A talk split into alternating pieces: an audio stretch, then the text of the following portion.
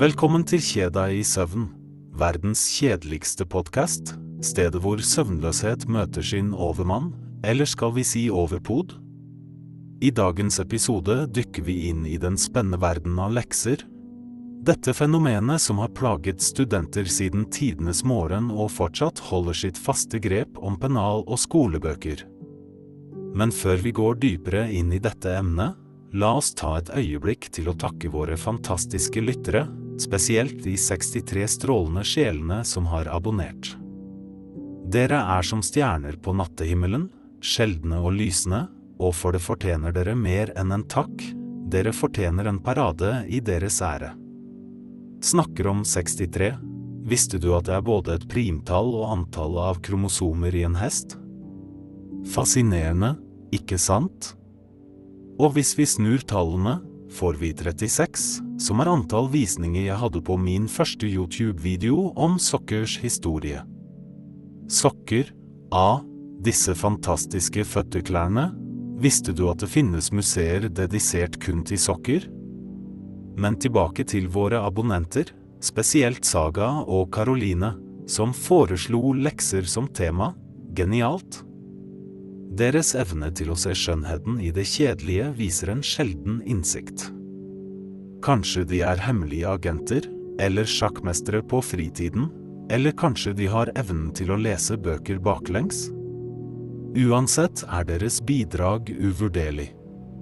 Så til dere, våre kjære lyttere, send oss gjerne dine forslag til verdens kjedeligste temaer til verdenskjedeligstepod 1 gmail.com. Og nå, la oss forberede oss på å ta et dypdykk inn i lekser, dette nødvendige onde som har ført til utallige timer med sukk og stønn fra overfylte skrivebord verden over. Blyanten, dette ydmyke skriveredskapet, har en historie like lang og intrikat som en gammel eik sitt rotsystem. Tenk, den startet sin reise som en ren grafittkjerne, viklet inn i saueskinn, en metode som oppsto da en stor grafittforekomst ble oppdaget i Borridale, England, i 1600-tallet. Forestill deg nå en blyantfabrikk, med sin labyrint av maskiner og bånd som spinner og vever rundt for å lage perfekte blyanter. Jeg husker mine første møter med blyanten da jeg startet på barneskolen. En gang brukte jeg en hel ettermiddag på å telle hvor mange ord jeg kunne skrive med én en enkelt blyantspiss før den ble for flat, en fascinerende, om en kjedelig, øvelse. Deretter var det den gangen jeg fant en halv blyant på skolegården, og den ble min trofaste følgesvenn gjennom en hel måned med matteoppgaver.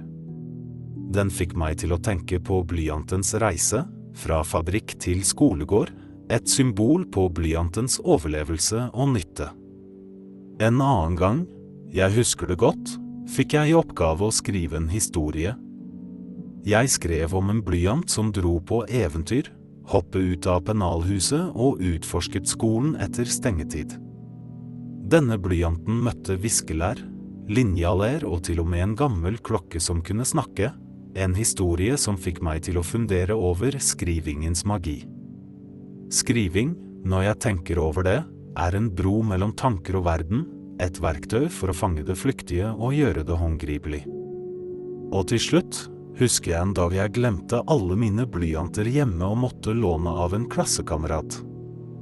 Det var som om blyanten var en forlengelse av vennskapet vårt, et lite bånd av tillit og samarbeid, en påminnelse om skriveredskapets rolle i våre daglige interaksjoner.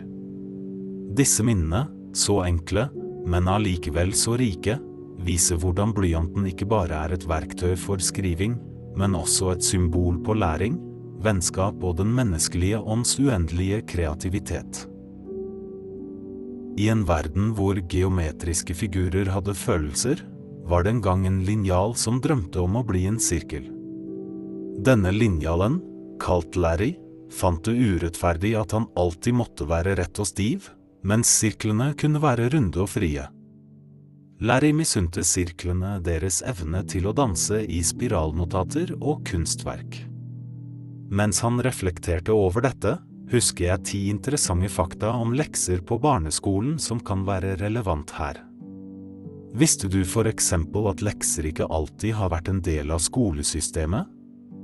De ble først populære på begynnelsen av 1900-tallet som en måte å forbedre utdannelsessystemet. Og interessant nok, i Finland, kjent for sitt fremragende utdannelsessystem, får barn nesten ingen lekser. Det får meg til å tenke, kanskje Lerris drøm om å være en sirkel er litt som barns ønske om mindre lekser, et ønske om frihet og mindre struktur. En annen fascinerende ting er at forskning viser at for mye lekser kan faktisk være kontraproduktivt for yngre elever.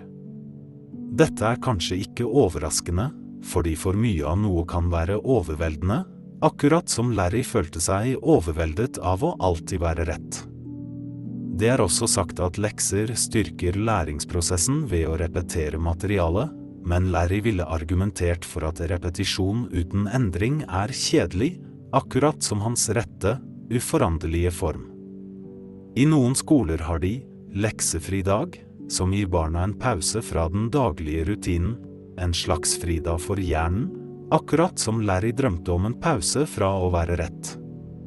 Noen eksperter mener at lekser bør tilpasses individuelle elevens behov, noe som ville ha gledet Larry, for han ønsket å tilpasse sin form.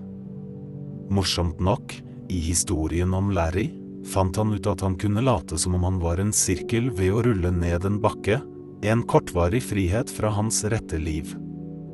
Dette minner meg om hvordan barn blir kreative med sine lekser, finner nye måter å lære på som gjør prosessen mer underholdende.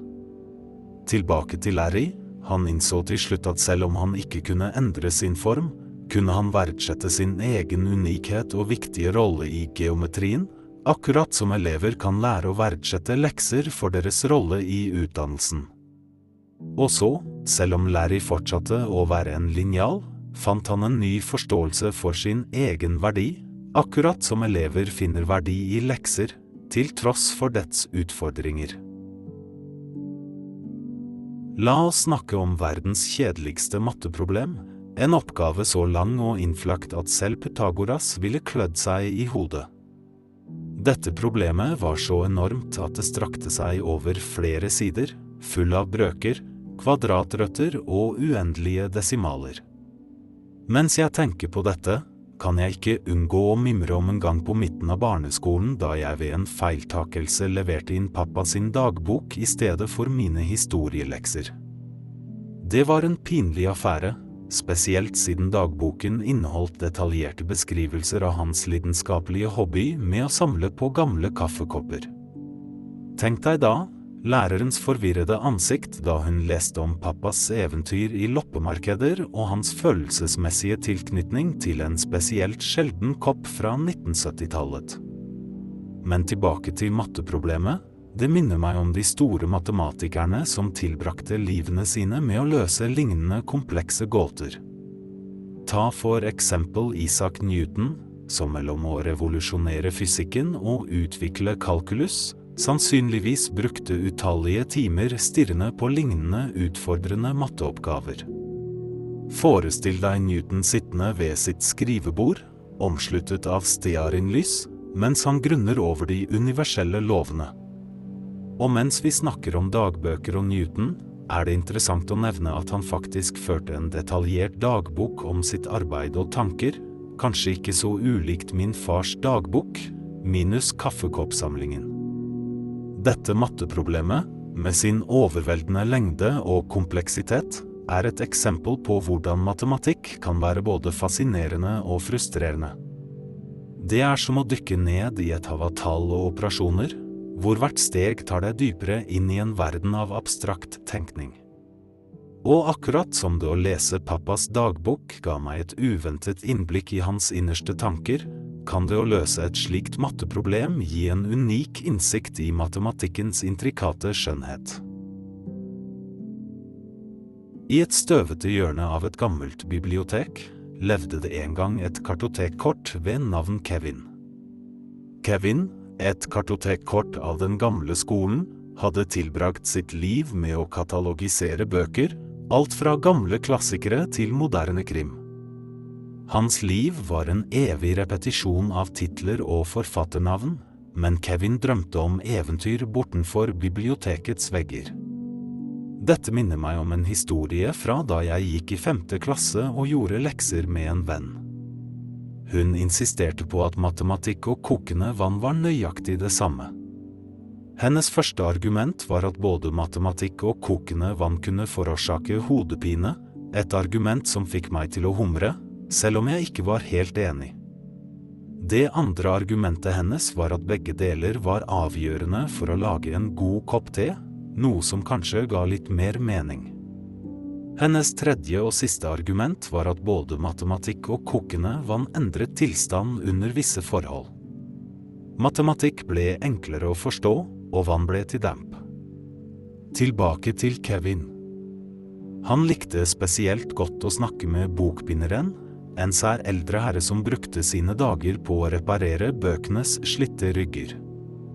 Denne bokbinderen hadde en fascinerende samling av historier om bøkene han hadde reddet fra glemselen, hver boken verden i seg selv. Kevin ble ofte distrahert av bokbinderens historier, drømmende om å være en del av en slik spennende fortelling. De sære bibliotekarene, som vandret mellom hyllene med en nesten spøkelsesaktig ro, ga også liv til Kevins daglige rutine. De hvisket hemmeligheter til hverandre, hemmeligheter som Kevin alltid ønsket å kjenne. Disse bibliotekarene, med deres uendelige kunnskap om litteraturens verden, minner Kevin på hans eget lille, men viktige bidrag til bibliotekets funksjon. I dette biblioteket, hvor hvert kartotekkort var en bærer av kunnskap, og hver bokbinder og bibliotekar var en vokter av historien, fant Kevin en slags trøst i sin tilsynelatende kjedelige eksistens. Han forsto at selv om han ikke var en del av de store eventyrene som bøkene fortalte om, spilte han en vesentlig rolle i å bevare disse historiene for fremtidige generasjoner. Og det, på sin egen måte, var også et slags eventyr. I en verden hvor kontorarbeid ofte føles som en endeløs loop, fant en liten stiftemaskin ved navn Stanley seg selv midt i en fantasireise gjennom kontorlandskapet.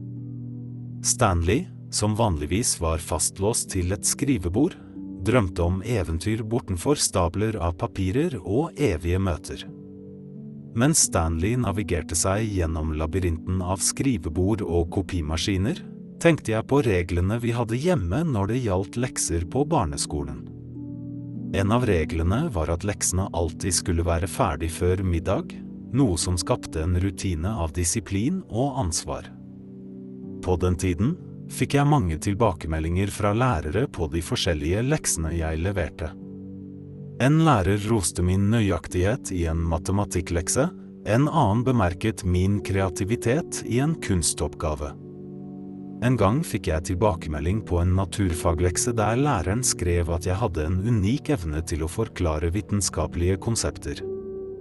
En annen gang fikk jeg konstruktiv kritikk på en engelsk stil fordi jeg hadde brukt for mange kompliserte ord. Men den mest minneverdige tilbakemeldingen kom fra min historielærer, som lo hjertelig da jeg ved et uhell skrev at Napoleon hadde invadert Russland med en hær av enhjørninger, en skrivefeil som ble klassens latterkilde i flere dager. Tilbake til Stanley. Han kjente på spenningen ved å oppleve kontorets hverdagsliv fra et nytt perspektiv. Han så hvordan folk stresset fra møte til møte, hvordan de småpratet ved kaffemaskinen, og hvordan noen alltid så ut til å kjempe med den evige kampen mot kopimaskinen. Denne reisen gjorde at Stanley reflekterte over kontorarbeidets monotoni. Han innså at selv i en verden av rutiner og repeterende oppgaver, var det rom for små eventyr og øyeblikk av glede. Stanley, en gang en enkel stiftemaskin, ble et symbol på håpet om at selv det mest rutinepregede arbeid kan inneholde øyeblikk av uventet spenning og glede. Stanley sin reise var ikke bare en flukt fra virkeligheten, men en påminnelse om at det alltid finnes rom for litt eventyr, selv i de mest uventede steder. I et stille klasserom sto en glemt globus, dømt til å tilbringe sine dager med å samle støv på en hylle. Denne globusen, kalt Gregory, hadde en gang vært et stolt symbol på oppdagelse og eventyr, men nå var den bare et gammelt minne. Gregorys daglige rutine besto av å stirre ut av vinduet, drømmene om de fantastiske reisene som en gang var tegnet på dens overflate. Mens Gregory lengtet etter eventyr, minnes jeg overgangen fra barneskolen til ungdomsskolen og hvordan leksebyrden endret seg. Plutselig ble leksene mer utfordrende og kravene høyere. Det var som å hoppe fra et lite tjern og rett ut i et dypt hav. Mens jeg grunnet over dette, kom jeg til å tenke på de store oppdagelsesreisene, som Magellan og Columbus, som også måtte tilpasse seg ukjente farvann. Tenk deg Magellan, som seilte rundt i verden, uvitende om de farer som ventet. Eller Columbus, som trodde han hadde funnet en ny vei til India, men i stedet snublet over et helt nytt kontinent. Disse historiene om modige utforskere fikk meg til å reflektere over hvordan vi alle må tilpasse oss nye omstendigheter, akkurat som jeg måtte tilpasse meg ungdomsskolens mer krevende akademiske landskap. Gregory, på sin side, ble et symbol på det å bli stående stille mens verden beveger seg videre. Mens jeg slet med å holde tritt med de økende leksekravene, sto Gregory uforandret, et vitne til tidenes gang men selv om Gregory ikke lenger var en del av aktive oppdagelsesreiser, beholdt den sin evne til å inspirere drømmer om fjerne land og kulturer. På denne måten ble globusen, selv i sin stille eksistens, en påminnelse om at eventyr kan finnes ikke bare i fysiske reiser, men også i tankene og drømmene våre. Gregorys stille tilværelse var kanskje kjedelig, men den bar også med seg en viss ro et pusterom fra den travle og stadig foranderlige verden rundt. En dag, sittende ved skrivebordet mitt, begynte jeg en uventet samtale med min kalkulator, Cassie. Cassie, begynte jeg, tror du at livet noen ganger bare er en serietall? Cassie, med sine knapper og skjerm, svarte, hvis det er tilfellet, må vi finne summen av vår eksistens. Denne samtalen tok meg tilbake til en gang jeg satt i et familieselskap og klaget over mengden lekser på ungdomsskolen. Mine klager utløste en strøm av overdrevne historier fra mine foreldre, besteforeldre og oldeforeldre om deres egne lekseerfaringer. Min far hevdet at han måtte skrive 100 sider for hånd hver kveld, mens min bestemor insisterte på at hun måtte lære seg fem nye språk før middag hver dag. Min oldefar overgikk dem alle ved å påstå at han måtte regne ut avstanden til månen med bare en kritt og tavle. Selv om disse historiene var klart overdrevne, fikk de meg til å le og sette mine egne lekseutfordringer i perspektiv. Tilbake til samtalen med Cassie, hvor jeg funderte videre, men hva om tallene aldri går opp, Cassie? Hva om vi alltid er et tall unna løsningen? Cassie, alltid den logiske, svarte, kanskje meningen ikke ligger i svaret, men i søket etter det. Dette fikk meg til å tenke på hvordan vi alle søker etter mening i våre liv, noen ganger gjennom tall, andre ganger gjennom erfaringer. Cassies ord minnet meg om at selv i kjedsomheten av rutinemessige beregninger, er det en skjønnhet i å utforske det ukjente, i å strekke seg etter et svar vi kanskje aldri finner. Akkurat som mine slektningers overdrevne leksehistorier, var det noe verdifullt og lærerikt selv i det absurde. Cassie, en enkel kalkulator, hadde på sin egen måte blitt en filosof, og vår dialog hadde blitt en metafor for livets uendelige ligninger. Det var en gang en saks ved navn Samuel, som bodde i en verden hvor han aldri fikk utføre det han var skapt for, og klippe. Samuel lå i en skuff, omgitt av papirer som aldri ble delt, og drømte om det perfekte snittet. Hans refleksjoner om håndverkets kunst og klippingens skjønnhet var dyptgående. Samuel tenkte ofte på hvordan hver klipp var en kunstform, en delikat dans mellom blad og papir. Dette minner meg om en gang på ungdomsskolen da jeg øvde til en tentamen sammen med en jente jeg var hemmelig forelsket i. Jeg husker hvor vanskelig det var å konsentrere seg om studiene når alt jeg kunne tenke på var hvor nær hun satt. Hennes nærvær fylte rommet, akkurat som Samuels lengsel etter å klippe fylte skuffen han lå i. Samuel undrer seg ofte over sitt formål. Hva betydde det å være en saks hvis han aldri fikk oppleve gleden ved å dele et ark i to? På samme måte undrer jeg meg over hvordan jeg skulle uttrykke mine følelser for jenta. Var det bedre å holde dem skjult, som Samuel holdt sine blader lukket? Samuel forestilte seg de utallige mønstrene og formene han kunne skape, hver klipp en ny oppdagelse, en ny verden av muligheter. På samme måte forestilte jeg meg de forskjellige scenarioene der jeg kunne avsløre mine følelser, hvert ord nøye valgt for å uttrykke det jeg følte. Men akkurat som Samuel aldri fikk kjenne papirets overflate mot sine blader, fant jeg aldri motet til å fortelle jenta hvordan jeg følte det. Samuels filosofiske betraktninger om sin eksistens uten å klippe, og mine egne uuttrykte følelser, var paralleller i en verden av uoppfylte ønsker og drømmer. I Samuels tilværelse lå det en dypere mening, en forståelse av at selv uten å klippe, kunne han fortsatt drømme og finne verdi i sin egen eksistens.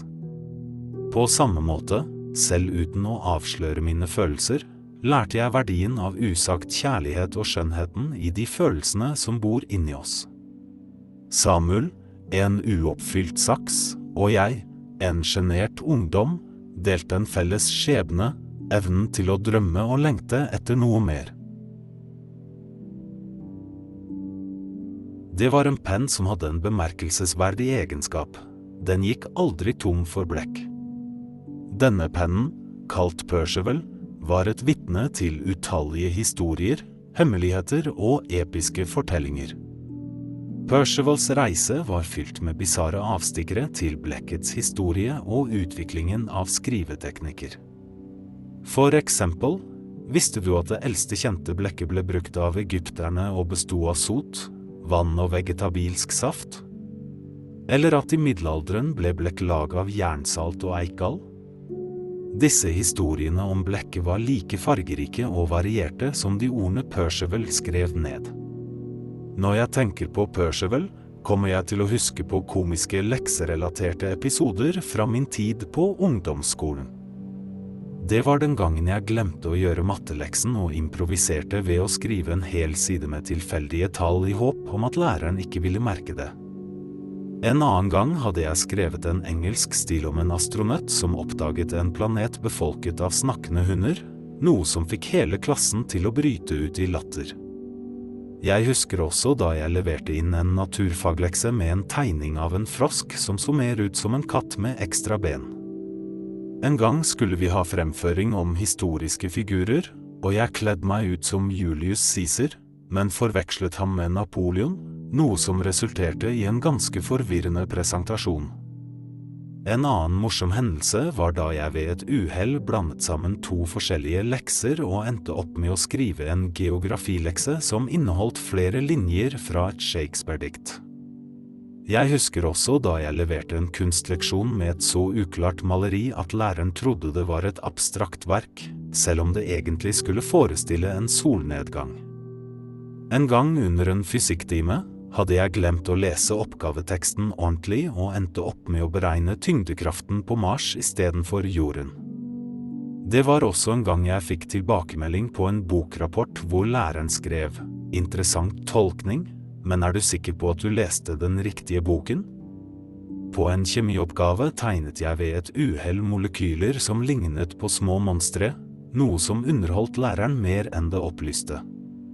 En annen gang under en tentamen skrev jeg et svar som var så langt og vilt at det endte opp som en novelle snarere enn en oppgavebesvarelse. Tilbake til Percival, han var et symbol på den evige kraften i ord og skrift, et vitne til menneskehetens evne til å uttrykke, drømme og kommunisere. Percivals blekk fløt uendelig, Akkurat som vår uendelige trang til å fortelle historier og dele våre opplevelser, uansett hvor bisarre eller komiske de kan være. Percival, den evige pennen, var mer enn bare et skriveredskap. Han var en beholder av tidløse fortellinger og en påminnelse om at kreativiteten vår kjenner ingen grenser. I hjørnet av et kunstneratelier lå en limstift ved navn Leonard, som gjennomgikk en dyp eksistensiell krise. Han hadde sett utallige mislykkede kunstprosjekter, hvor hans bidrag ofte ble oversett eller feilaktig brukt. Leonard reflekterte over sin rolle i verden og om hans eksistens hadde noen reell betydning. I denne tilstanden av dyp ettertanke kan jeg ikke unngå å trekke paralleller til hvordan lekser kan føles kjedelige og meningsløse, men samtidig kan ha en nesten meditativ effekt. Som en munk i en meditasjonspraksis ville si, er det i stillheten og repeterende natur av lekser at vi finner en sjanse til å reflektere og vokse. Lekser, med sin monotone og tidkrevende natur, kan virke som en endeløs rekke av oppgaver, men innenfor denne tilsynelatende kjedsomheten ligger det en mulighet for indre ro og fokus. Ved å nærme seg lekser med en meditativ holdning, blir oppgavene ikke bare et middel for læring, men også en praksis for selvrefleksjon og tålmodighet. Denne tilnærmingen kan faktisk lede til et bedre utfall av lekser, ettersom det hjelper til å kultivere en dypere forståelse og tilknytning til materialet. Tilbake til Leonard. Hans kriser gjorde ham til en observatør, ikke bare av mislykkede kunstprosjekter, men også av menneskelige følelser og streben etter å skape noe varig. Gjennom sine refleksjoner innså Leonard at hans rolle, selv om den ofte ble oversett, var avgjørende for å binde sammen elementene i et kunstverk. På samme måte kan det å ta en mer filosofisk tilnærming til lekser forvandle dem fra en kjepphøy oppgave til en øvelse i mental og åndelig vekst. Leonard, en gang en enkel limstift, hadde nå blitt et symbol på hvordan selv de mest tilsynelatende meningsløse tingene kan ha en dypere verdi og formål. Han lærte at i hver eneste oppgave, uansett hvor liten eller ubetydelig den kan virke, ligger det en mulighet til å bidra, vokse og finne mening. I et støvete bibliotek, i en glemt hylle, bodde det et bokbind ved navn Bernhard. Bernhard var et særdeles pratsomt bokbind, som elsket å dele anekdoter om de mange kjente bøkene han hadde beskyttet gjennom årene. Han fortalte for eksempel om den gangen han var bindet til en førsteutgave av Alice i Eventyrland, og hvordan Alice egentlig skulle ha hatt grønne sko, men illustratøren hadde ikke grønn maling den dagen. Bernhard snakka også om en gammel kopi av Moby Dick, hvor han påsto at kapitlet om hvalenes anatomi opprinnelig var tre ganger lengre, men ble redusert for å spare blekk. Mens jeg hører på Bernards historier, kommer jeg til å tenke på overgangen fra ungdomsskolen til videregående skole, og hvordan lekser ble en helt ny utfordring. På videregående skole var leksene ikke bare mer omfattende, men de krevde en dypere forståelse og selvstendig tenkning. Jeg husker spesielt hvordan jeg for første gang måtte skrive en forskningsrapport, noe som føltes som et gigantisk sprang fra de enkle oppgavene på ungdomsskolen. Bernhard, som bokbind, hadde sett mange studenter kjempe med sine lekser, og han pleide ofte å gi dem uoppfordrede råd. Han sa en gang til en student, du vet, krig og fred ble nesten kalt krig, hva er det godt for? Men Tolstad ombestemte seg i siste liten. Dette var typisk for Bernhard, alltid klar med en humoristisk anekdote for å lette på stemningen. På samme måte fant jeg ut at humor var en god måte å takle den økte arbeidsmengden på videregående. Bernhard fortsatte med å fortelle om en gammel utgave av Romeo og Julie. Han hadde bindet, hvor det var en skrivefeil i tredje akt som ingen la merke til før etter første trykk. Hans historier var ikke bare underholdende, men også en påminnelse om at feil og ufullkommenheter er en del av enhver læringsprosess, akkurat som de var en del av hver bok han hadde holdt sammen. Bernhard, med sin rike historie og sitt lune vesen, var mer enn bare et bokbind. Han var en skattkiste av litterær trivie og en kilde til trøst for alle som følte seg overveldet av lekser og livet på videregående skole. I en verden der farger symboliserer følelser og ideer, fantes det en eske med fargeblyanter som sakte, men sikkert mistet sine farger. Disse blyantene, som en gang var lyse og livlige, begynte å bli bleke og matte, et symbol på glemt kreativitet og ubrukte muligheter. Mens fargene falmet, reflekterte de over fargenes psykologi og hvordan hver nyanse kunne påvirke menneskers humør og oppfatninger. Rød var for eksempel fargen på lidenskap og fare, mens blå kunne frembringe følelser av ro og stabilitet. Dette minner meg om viktigheten av å ikke vente til siste liten med lekser. Det er som å holde fargene i blyantene friske og klare til bruk. Start tidlig, og stresset vil sakte forsvinne, er et godt utsagn å huske på. Hver lekse gjort i dag er en bekymring mindre i morgen, minner oss om verdien av å være proaktiv. Planlegg din tid, og du vil finne ro, viser hvor viktig det er å være organisert.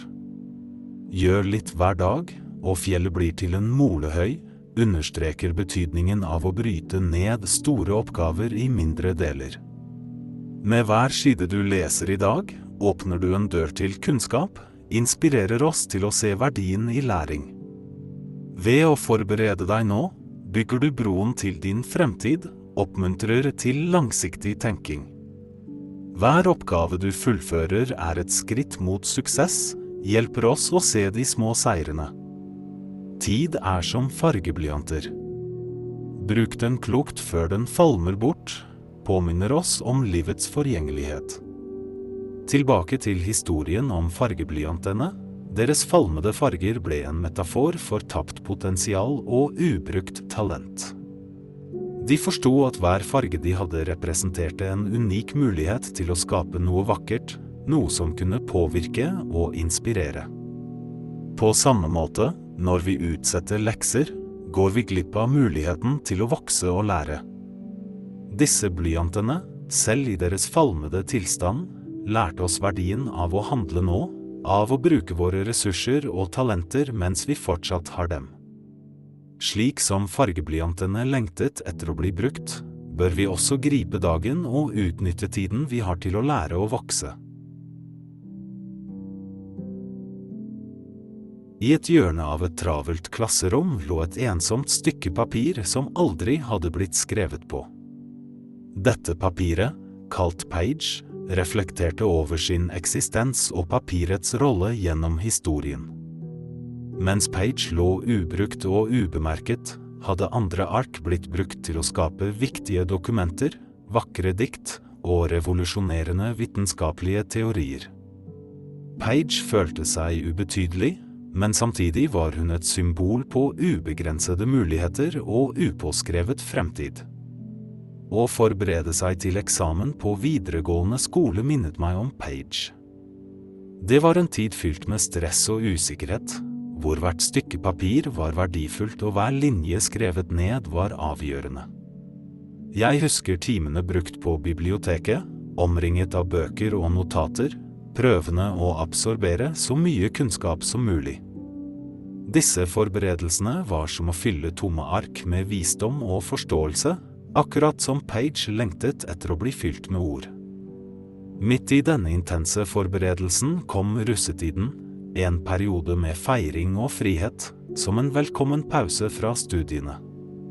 Russetiden var som et karneval, en siste hyllest til ungdommen før voksenlivets ansvar tok over.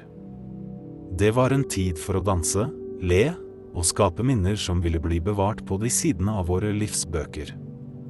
Men selv i russetidens gledesrus var tanken på eksamen aldri langt unna. Tilbake til Page. Hennes stillhet og ensomhet i klasserommet var en påminnelse om at ikke alle øyeblikk blir fanget og bevart. Noen historier forblir uskrevne, noen muligheter forblir uutforskede. Page var et blankt ark, klar for å bli omskrevet av fremtidige generasjoner, et vitne til at selv det som virker ubetydelig kan holde på en skjult skatt av potensial. På samme måte, i de stille øyeblikkene mellom studiene og feiringen, lå det en mulighet for refleksjon og vekst, en sjanse til å definere vår egen vei og skrive vår egen historie. Page, et enkelt stykke papir, og min egen reise gjennom videregående skole delte en felles tråd, en søken etter mening og formål i en verden full av ubegrensede muligheter og upåskrevne fremtider. På en skole, langt vekk fra enhver fornuftig logikk, ble det en gang innført en regel så absurd at ingen verken forsto eller fulgte den. Regelen lød alle elever skal hoppe på et ben mens de resiterer alfabetet baklengs før de entrer klasserommet.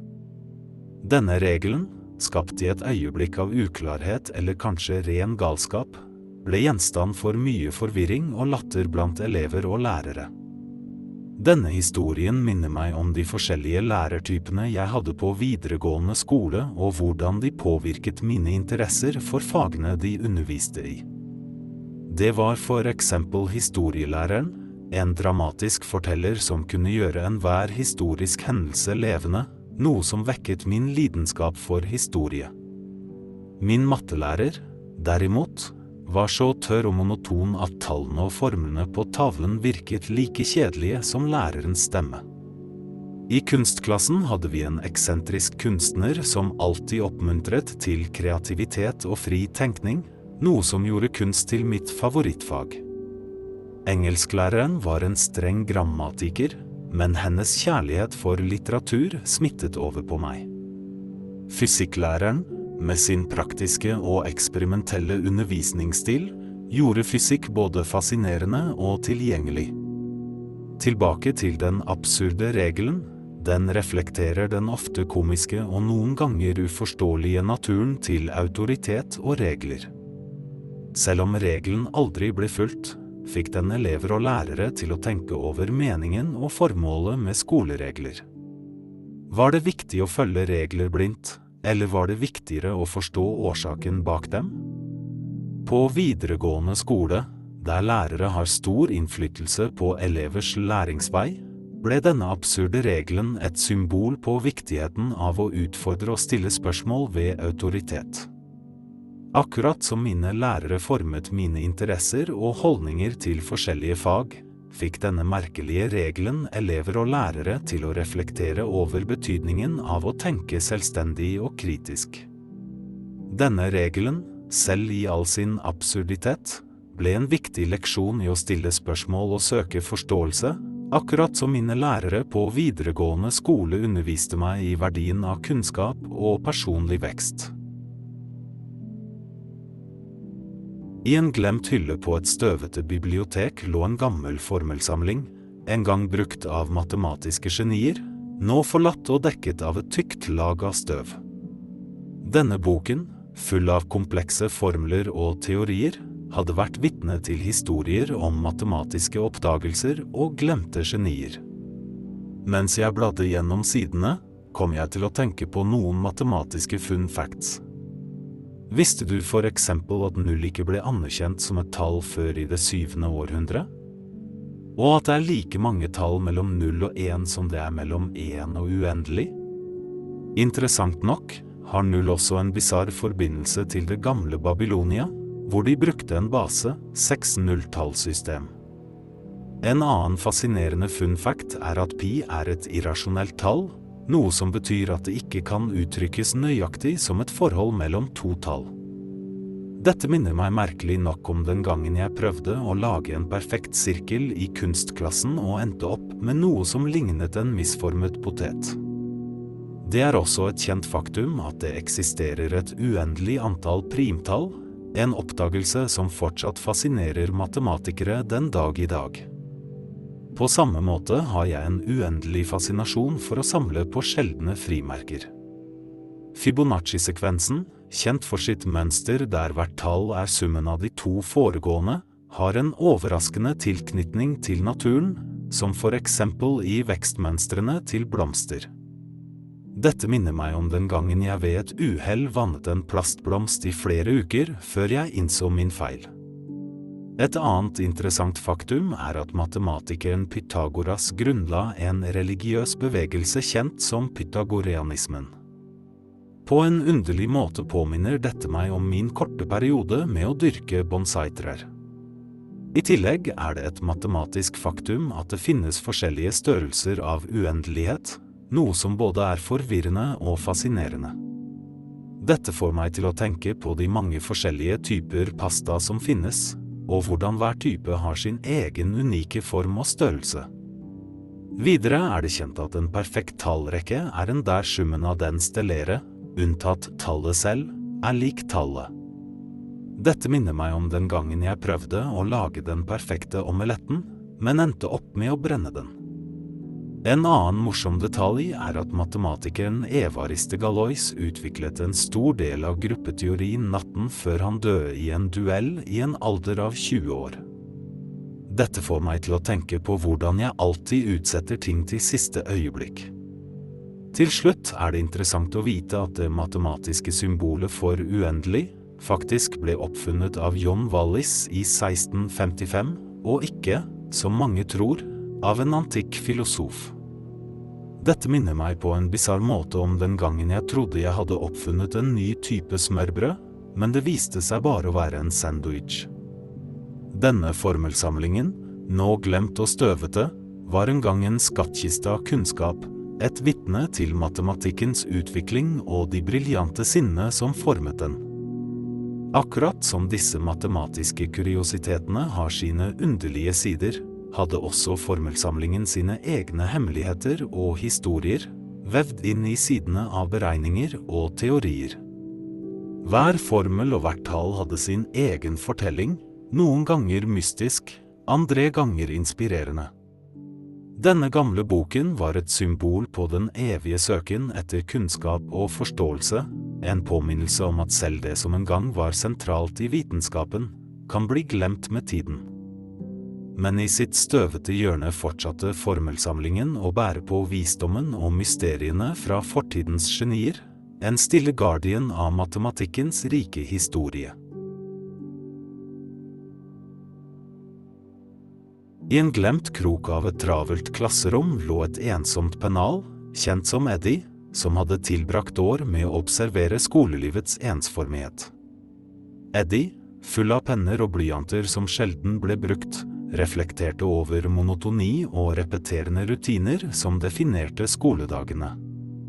Han husker hvordan dagene fløt sammen, hver time like forutsigbar som den forrige, og hver pause en kort flukt fra klasserommets fire vegger. Å samarbeide om lekser på videregående skole var en opplevelse som brøt med denne ensformigheten. Det å jobbe sammen med klassekamerater åpnet opp for nye perspektiver og ideer, noe som gjorde læringsprosessen både mer engasjerende og underholdende. Jeg husker spesielt hvordan samarbeidet blomstret under et gruppeprosjekt i kjemi, hvor vi alle brakte våre styrker til bordet og lærte av hverandre. Men ikke alt var arbeid. Det var også øyeblikk av uformell flørting og små sprell. Jeg husker spesielt de sju lappene jeg mottok fra en jente i klassen som jeg flørtet med. På den første lappen sto det Ditt smil lyser opp hele rommet. Den andre lappen sa Hvordan klarer du alltid å svare riktig i matematikk? Og den tredje Jeg beundrer måten du tenker på. Den fjerde lappen var mer gåtefull, med bare et mysteriøst hjertesymbol. På den femte lappen sto det Kan du hjelpe meg med historieleksen? Mens den sjette var en enkel, men søt tegning av to stjerner. Den syvende og siste lappen var den mest minneverdige, med ordene Kanskje vi kan studere sammen en gang? Disse små meldingene var som en bølge av frisk luft i skolens ofte kjedelige atmosfære, og de gjorde hver skoledag litt mer spennende. Tilbake til Eddie. Pennalens ensomme dager var fylt med slike små øyeblikk av menneskelig kontakt og varme, selv om han selv aldri var direkte del av dem. Han var et vitne til ungdommens usikkerhet, gleder og små triumfer. Eddie, selv stille ofte oversett, ble et symbol på det rolige sentrum i skolens konstante virvel av aktivitet, et stille vitne til de små øyeblikkene som gjør skolelivet minneverdig. I det siste kapittelet av vår podkast drar vi inn i en verden av surrealistiske drømmer og filosofiske konklusjoner, hvor virkeligheten smelter sammen med fantasi.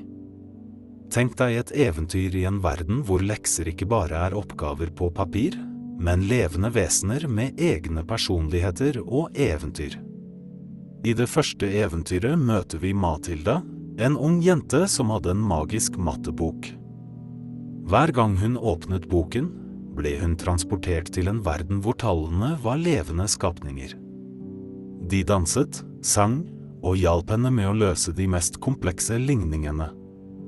En dag ble hun utfordret til å løse et umulig problem av en hemmelighetsfull figur, kongen av kvadratene, en hersker som bodde i et slott laget av geometriske figurer.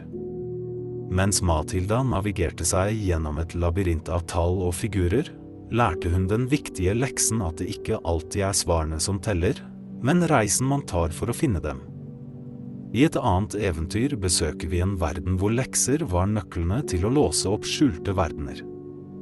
Hovedpersonen, en nysgjerrig gutt ved navn Leo, oppdaget at hver lekse han fullførte åpnet en portal til en ny, fantastisk verden. En lekse i historie tok ham tilbake til dinosaurtiden, hvor han rir på en triceratops, mens en naturfagslekse førte ham til en mikroskopisk verden hvor han danset med atomer.